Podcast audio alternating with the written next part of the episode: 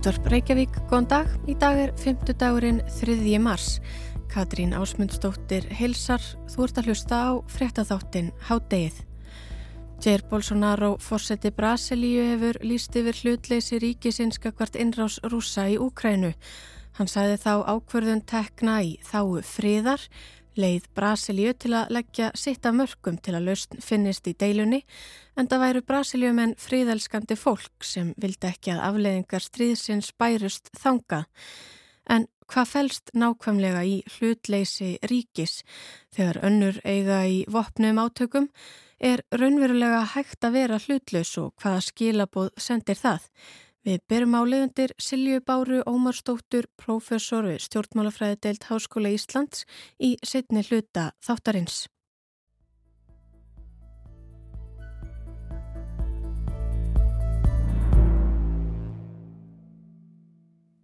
En við byrjum á því að skoða efnahagslegar afleðingar innrásarinnar í Úkrænu. Fjöldi ríkja hefur grepið til strángra efnahagsþvingana gegn rúsum vegna innrásarinnar. Efnahagslegar refsi aðgerðir sem af ekki sérst í svo miklu mæli í setni tíð. Ásker Brynjar Torfason, doktor í viðskiptafræði og sérfræðingur í fjármálum, sagði nýlega í viðtali í morgunúttorpinu á Rást 2 að þvinganir Vesturlanda væru mjög beittar og í raun ný stríðsaðgerð. Stríðsregsturinn væri farin að færast út á fjármála og viðskiptasviðið. Og þessar aðgerðir virðast strax vera farnar að hafa áhrif en tilkynnt var um ringulreið á rústneskum fjármálamarkaði á mánudaginn. Það var kaupöllinni lokað, gengi rúblunar, hríðfjall og fólk stóði í byrjuðum við hraðbanka að reyna að taka út reyðufjö. En þótt aðgerðunum sé stýrt þannig að þær hafi sem mest áhrif á stríðið í Úkrænu en sem minnst áhrif á almenning, má einhverja síður búast við viðamiklum áhrifum viðskiptaþinganana, svo sem á Íslenskt efnahagslíf að sögn Stefánsvagn Stefánssonar formans atvinnuveganemdar alþingis. Afleðingar sem fjármálar á þeirra segir að Íslendingar verði að sætta sig við. Til að ræða frekar þessi efnahagslegu áhrif innrásarúsa í Úkrænu er komin til okkar Magdalena Anna Torfadóttir, hagfræðingur og sérstakur gestur okkar í hátteginu um fjármál og efnahagsmál. Hún er viðskiptablaðmaður á frettablaðinu og stjórnar hlaðvarpinu fjármálakastinu. Vertu velkomin Magdalena. Takk fyrir. En við byrjum á því að skoða eins áhrifin hér á Íslandi, hver verða þau? Uh, ég held að það þurfi svona fyrst og fremst að hafa í huga að það er bara gríðarlega óvisa. Ég hafa bygglega eftir að segja orðið óvisa svona tíu sinni mjög þessi viðtali. En jæna, það veit svona engin svona, já, hver bara staðan verður eftir ákveðin mm -hmm. tíma. Um, en það sem við vitum er að Rúsland er stór ólíu og ráfuru framleiðandi og svo það er óætt að segja að hækkandi ólíu og ráfuruverð geti kynnt undir verðbólgu hér á landi en verðbólga mælis nú 6,2% sem er virkilega hátt og það er líklegt uh, í ljósi þessa að hún muni hækka enn frekar á komandi misserum. Uh, hvað varðar svona áhrif þessar innrásar og öllu sem, því sem hún hefur í förmið sér á sagt, uh, fyrirtæki þá hef ég ekki skinnjað svona miklar áhyggjur hjá stjórnendum fyrirtækja hér á landi. Þetta mun að öllum líkindum koma til með að hafa einhver áhrif á flugfélögin í gegnum ólíuverð. Þetta er samt alveg mm. frekar góður tími. Sildavinslan uh, hefur, eða það er sérstaklega á njólan en þetta væri ekki á sumrin sko þegar það er verið að fljúa meira sko. En jæna, svo hefur síldavinslan tilkynnt að þetta geti haft áhrif á þá en óvissan er ennfrekar mikil þannig það er svona kannski snemt að segja til um það. Mm. uh, það hefur líka komið fram að uh, þetta ástand muni koma til með að hafa svona lítil sem engil áhrif á Marel til dæmis. Marel er náttúrulega bara aðalþjóðleitt fyrirtæki með starfsemi í 140 löndum og hérna og tvö af þeim eru jú vissulega Rúsland og Úkraina þau eru bara með svona 70 starfsmenn þar af 7000 starfsmennum mm. þannig að svona fólk held kannski að það hafiði meira áhrif en, en raunin er sko. Uh, og ég fæ svo sem ekki séð að þetta muni hafa áhrif á önnur fyrirtæki að öðru óbreyttu. Svo náttúrulega Akkurat. ef allt fyrir ruggl þá náttúrulega getur eitthvað annað gerst. Einmitt svona um, þetta er eitt af leðingarnar efnaðarslífi hér landi. Svo eru það í mitt afleðingarnar úti, úti heimi og það hefur verið tilkynnt um að tilteknir rúsneski bankar verði útilokaðir frá Svift. Getur þú útskýrt hvað þetta er, hvað Svift er og hvað þýðingu það hefur? Já, Swift er í rauninni svona fjármóla skilabóðakerfi. Aðalhagfræðingur Íslandsbanka fór í viðtali vikun og líkt þessu svona við Facebook Messenger fjármálakerfisins. Uh, ESB byrti nýla lista yfir þá rúsnesku banka sem sambandi leggur til að verði útilokkar frá kerfinu uh, en sá listi hefur ekki enn verið samþyktur þannig að þetta er svona í vinslu. Uh, þessi aðgerð er einna mest íþingjandi aðgerðin. Ég held að það sé óætt að segja það. Uh, en með því að loka fyrir aðgang rúsneskra banka kerfinu þá svona raskast allverulega bara millifærslur til og frá erlendu böngum.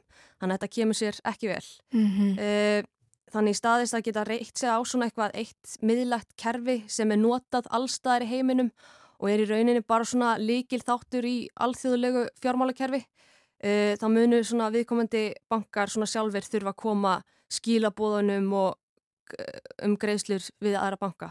Uh, þannig að þetta felur í sér svona bæði flækjustig og kostnað þannig að þetta þannig að bankanir verða öllu líkindum í svona talsverðum vandraðin við þetta með, með þetta mm -hmm. uh, við þetta maður bæta þá er önnur aðgerð uh, sem greipiða til og það var að, var að gældiris forði rúsneska selaðbankans á fristur þá mun líka koma til með að hafa áhrif Þetta er svona, já, stórt, það er stóra aðgerðir sem mun að hafa áhrif en hver vera áhrifin af og ég er unni bara hvaða viðskipta þinganir hafa hennar ímsu þjóðir verið að sko tilkynna um, á rúsa og bóða og eða svona hver verða áhrif þeirra? Já, ég held að það sé mikilvægt að ég huga að viðskipta þinganir bitna hvað mest á almenningi viðkomandi landi og ég persónulega er bara ekki mjög hrifin af viðskipta þinganum en ég tel þó að sé nöðsilegt að grýpa til þeirra í ljósi stöðunar. Þetta eru umfangsmeiri viðskiptaþvinganir uh, á ríki heldur en við höfum séð áður og ljóst er að þetta mun koma til með að hafa svona töluverð áhrif á rúsa. Svo má ekki gleyma því að ólíuverð hefur hækka mikið en viðskiptaþvinganir Vesturlanda gagvart rúsum uh, hérna er svona að koma ólíumarkaðinum talsvert úr jafnvægi. Mm -hmm. Ólíuverð hefur til dæmis ekki verið hærra í 8 ár og hérna uh, verðhækkanir og ólíumarkaðum uh, almennt uh, mun ekki svona auðvelda seglabankum í heiminum til þess að díla við þessa öllvaksandi verðbólku sem við sáum nú áður en þetta allt saman byrjaði. Nefnitt. Nefnitt. Þannig að, þannig að já. Já, og ef ég spyrði að lókum hvernig hafa einmitt margar verið að breyðast við ástandinu? Uh, það hafa náttúrulega átt sér stað einhverjar lækkanir á hlutabriðamarkuðum undarfarið en það er samt óvægt að segja að markaðir hafa ekki verið að búast við í að svona einhverjar handfarir muni eiga sér stað, það er ekki að sjá það þannig að markaðir eru ekkert svakalega svart sínir en ég man að fyrsta daginn þá fjall rúsneski hlutabriðamarkaðurinn um þriðjung og það voru líka einhverjar lækkanir hérna heima meiri segja hjá fyrirtækjum sem að hafði ekkert með þetta að gera. Uh, það er mikilvægt að muna að markaðir eiga til að bregðast mjög hart við svona aðstæðum og þá getur myndast kauptækifæri ef fólk er hérna tristið sér til þess. En aftur á móti þá er mikil óvissa um framvaldið og hérna þannig að já, óvissan er mjög mikil þannig að ég ætla bara að segja að það er mjög erfitt að segja hvert þróunu verður en ég ætla bara, ef ekki bara öll að vona það besta. Akkurat, býð og sjá og vona það besta já. meðan. Kæra þakkir fyrir komuna Magdalena Anna Torradóttir, hagfræðingur, viðskipta, bladamæður og fréttablaðinu og stjórnandi hlaðvarpsins fjármálakastsins, svo dæmi séu nefnt. Um, eftir hádegi þá höldum við áfram í Úkrænu og ræðum við Silju Báru Ómarsdóttur, professor í stjórnmálafræðideild Háskóla Íslands um hlutleysi. Það þegar að ríki lýsi yfir hlutleysi sínu gagvart milliríkja deilu annara ríkja og hvaða þýðingu og áhrif slíkt hefur.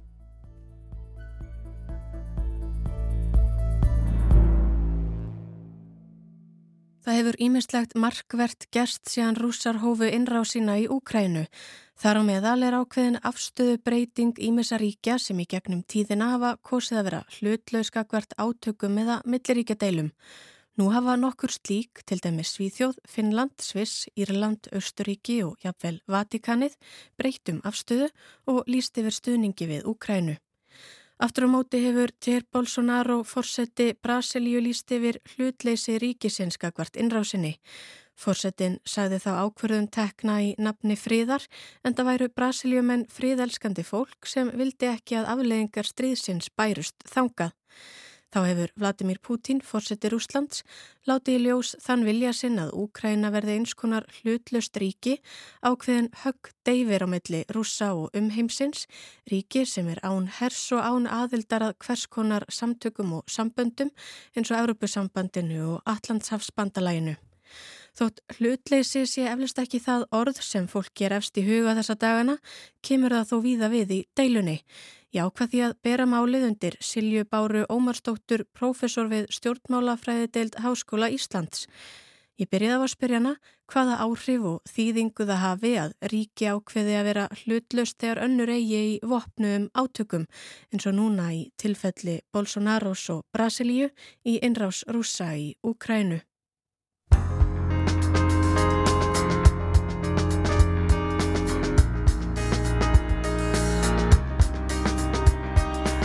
Þannig eru kannski eh, svolítið ólíkir þættir sem að skipta máli í þessu. Annars vegar eru yfirlýsingar um að vera hlutlaus í tilteknum átökum, þar segja að það ætlir ekki að skipta á einhverju sem er yfirstandandi.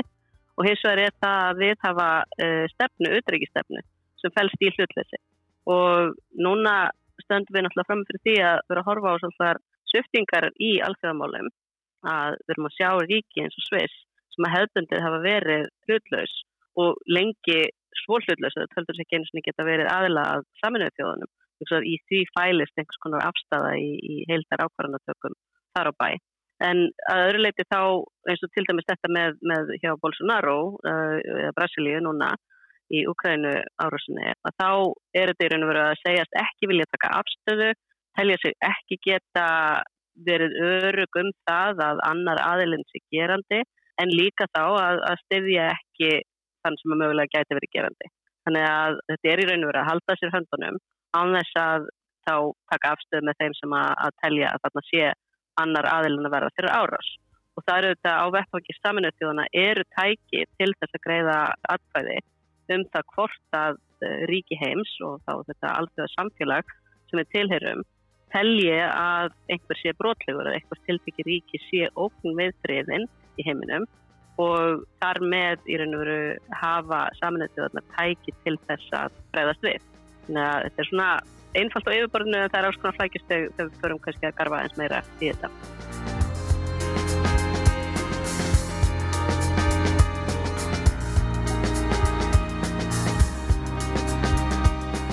Þetta hljómar eins og eitthvað sem er of gott til að vera satt, hlutleysi, eins og getur í rauninni bara ákveðið að, já, jáfnvel kannski stíga frá eða á einhvern nátt frí að segja ábyrðið þannig má segja. Um, er þetta yfir höfuð til? Er hægt að vera hlutleys í pólitískum skilningi? Þetta er mjög góð spurning. það eru uh, að hafa verið eftir síðara heimstildina, það voru fimm ríki í Evrópu sem að skilgrinda sig á einhverju leiti sem hlutlaus. Það er að segja Finnland og Svítjóð sem að kannski standa okkur næst, Írland, Östuríki og Sviss. Og þau tólka þetta alls all, uh, mjög ólíkt og þá eru þau og veru, þau eru með viðvarandi hlutleysistefnu sem að síðan hefur verið tólkuð mjög ólíkt. Finnlandu þetta vissuleiti þvingað inn í þetta af Sovjetríkjunum sem að, að forverið Rúslands og sem við sjáum mjög vel núna. Rúsland hefur sömu hugmyndir um að, að vilja hafa svona ákveðið varnarsvæði í kringum sig sem er hlutlaust og þar segja að þau þurfa ekki að búast við árásum þaðan eða hérna, ágræningi um, um landamæri. Svíþjóð síðan þeirri þetta svona vissuleiti eftir sér heimstyrjöldina og svona samstöðu við Finnland en Svíþjóð var hlutlaus í sér heimstyrjöldinni og var þar með ákveði greiðland fyrir flotta fólk. Sviss hefur verið reykið mjög svona þungvopnaða hérna hlutleisustefnu, litið á það sem að er ekki hlutleysið í sjálfu sér sem að verða heldur sterkur hér sem er vel þjálfaður og getur bröðist við uh, ef einhver róknir stæði að. Og síðan er eins og Írland sem hefur nýtt sér það mjög mikið að, að vera nátengt Breitlandi, var auðvitað undir Breitlandi í, í einhver tíma og treysti síðan á það þegar þau lýsi yfir sín hlutleysi að Breitland mynd alltaf komaði til varnar og í dag eru þetta Finland, Svítjóð og Írland og Austuríki komin inn í Evrópusambandið og þessi ekki í NATO og njóta þar góðs af sameigilegri varnar og, og svona þessari samstöðu yfirlýsingu sem að segir að, að ef ráðist er á, á eitthvað ríki að þá munir þau uh, stiðja hvert annað. Þetta er svona, þetta er ekki alveg eins og fymta greinin í allarsars sáttmálunum, þetta er sáttmála NATO, en svona harta því. Þannig að í raun og veru er ekkert þessara ríkja nema þá kannski Sviss sem er hægt að segja sé fyllilega hlutlaust og það var strax eftir fyrir heimstyrjöldina sem að Svíþjóð til dæmis fóra að bakka svo litið með hlutleysi. Það hægt að nota hlutleysi og, og fóra að nota hugtök eins og að Svíþjóð stæði utan bandalaga, stæði utan hernaðar bandalaga Þannig var þetta non-aligned in peacetime eða militarily non-aligned in peacetime. Það er að segja að ríki myndi ekki fyrirfram skipa sér í lið ef að til átaka kæmi heiminum.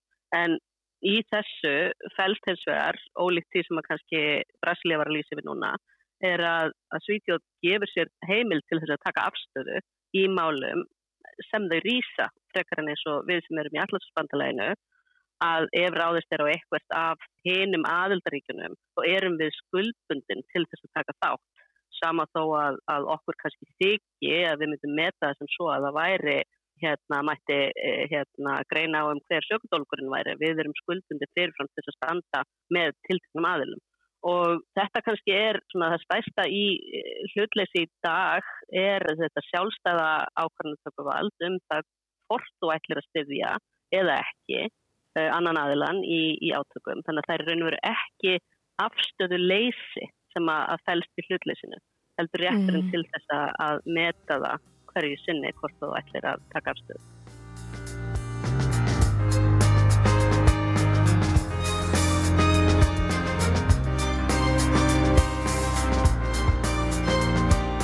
Ríki sem hafa gegnum söguna getnan verið hlutlaus eins og um mitt Svíþjóð, Finnland, Sviss, Írland, Östuríki og ég vil núna um mitt Vatikanið og svona ríki sem eru kannski ekki þáttakandur í hernaða bandalögum. Þau hafa núna í þessari deilu eða innrásrúsa í Úkrænu ákveðið að vera ekki hlutlaus og styðja Úkrænu svo sem með sko beinum stuðningi eins og að senda hergögn eða vopnasendingar. Mm. Vitum við af hverju þessi breyting hefur orði hjá sem ríkjum eða af hverju þau hafa ákveðið að taka afstöðu með Úkrænu og hvað þýðingu það hefur? Það eru auðvitað erfitt að fullir það um sko hvort að fórsefnurnar séu einar, hvort að séu það sömu, auðvitað hef ég ekki einsinn í, í hugarheim þeirra sem eru að taka ákvarðanar. En samkvæmt stofsáttmála saminuð þjóðana þá ber aðaldaríkjum skilda til þess að reyna allt til þess að koma í veg fyrir ófrið það eru þetta margir sem að, að gaggrina að sambarilegar aðgerir hafi ekki verið viðháðar áður af því að vissulega er þetta ekki eina stríðið eina eini ófröður sem keisar í heiminum. En það sem kannski er ólíkt mörgum öðrum tilvikum og ég ætla ekki að segja séu öll en, en mjög gjarnan er að hafa átök uh, á þessari öll verið innan ríkis vissulega með afskiptum ímissa utan landamæra. En þá er ekki jafn ljóst að það sé aðildar ríki saminu þjóðana sem er að brjóta grundvallar sáttmála saminnið þjóðana. Þannig að, að þarna er ákveðið viðmið sem að hægt er að, að leggja mata og segja að það er Rúsland sem að fór yfir landamæri með vopnavaldi og er með því að stopna friði og stöðuleika á svæðinu og í heiminum í hættu. En, en það er hins vegar alveg ótrúlegt að horfa á það sem hefur verið ráðandi auðaríkistefna margra ríkja og, og, og til dæmis Ískaland sem er ekki, ekki hlutlusturíki og eitt valdamesta ríki í Evrópu en hefur frá lokum fyrir heimstildunar við á stefnu að senda ekki herrgögn úr landi vegna náttúrulega sára reynsli sem að Ískaland hefur á 20. og stríðum þar að, að eh, á sko yfir, yfir nótt hafi snúist við þessi stefna og það kannski er uh, svona sínir hversu afgerandi meiri hluti ríkja telur þetta brot Rúslands á friði í heiminum eða gegn friði vera að Sviss sem að, eins og ég segi, vildi lengi vel ekki einu svona vera í saminu þjóðanum vegna þess að þar gæti að vera tvingað til þess að vera ekki hlutlaust. Og Þýskaland sem að, að hefur ekki viljað hafa afskipti eða láta nota sín herrgögn eða, eða styrja önnu ríki hernaði að, að þau séu bæða að taka þessi skref. Þetta er alveg greiðarlega merkileg tímamóti í alltaf stjórnmálum.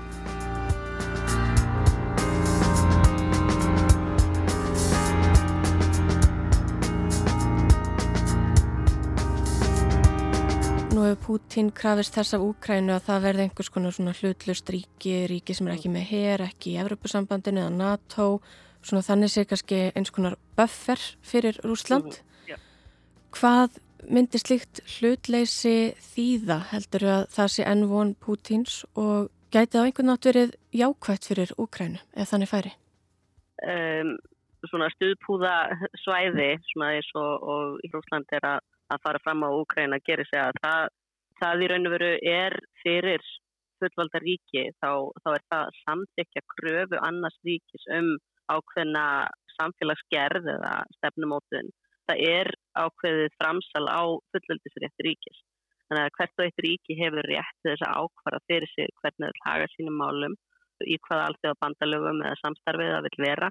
Þannig að, að það, það væri mjög þungt fyrir Úkrænu tel ég að samtikja slíkar kröfur þegar að, að vilji stjórnmálafólks allavegna og, og stóra hópa í landinu snýra því að, að vilja tilheyra Evrópusamstarfi. En þetta er, e, það er kannski, hérna, það er kannski sem að má horfa hvað helst til er krafa Rúslands eða Sovjetríkjana þá kakvart Finnlandi um að, Finnland stæði utan hernaðabandalaga og það var ekki krafa um að vera ríki verið herrlaus sínum tíma. Og það er, hérna, hefur verið uh, svona svolítið hróllakjandi að sjá hvernig skilaboð uh, rúsneska ríkið er að senda Finnum um að það hefur vaknað áhugi á því að auki stuðningur við það að Finnland gangi í allarsvarsbandalagi meðan á þessu staðinum síðustu vikuna að þá er að koma svona skilabóðum það að rúsar mun ekki, ekki taka því þegjandi. Og það er auðvitað skilabóð líka um leið til Úkrænu að ef að Úkræna heldur sig ekki á móttunni eins og Rúsland skilgrænir hana að þá sé Rúsland að mæta. En þannig að, að það er auðvitað það það er mögulegt að fara þessa leið ég held að, að flest ríki myndi upplifa sem, það leiðtor flestar ríki myndi upplifa sem niðurlægingu og, og missi á, á þeirra bæði ákvarðantökuvaldi og fullveldisrétti uh, síns ríkis þannig að, að þau munu gera allt en þau geta til þess að sleppa því að lenda í þeirri aðstöðu. Sæði Silja Bára Ómarsdóttir, professor við stjórnmálafræði deild Háskóla Íslands. Hátið verður þá ekki lengra í dag en við verðum hér aftur á sama tíma á morgun. Verðið sæl.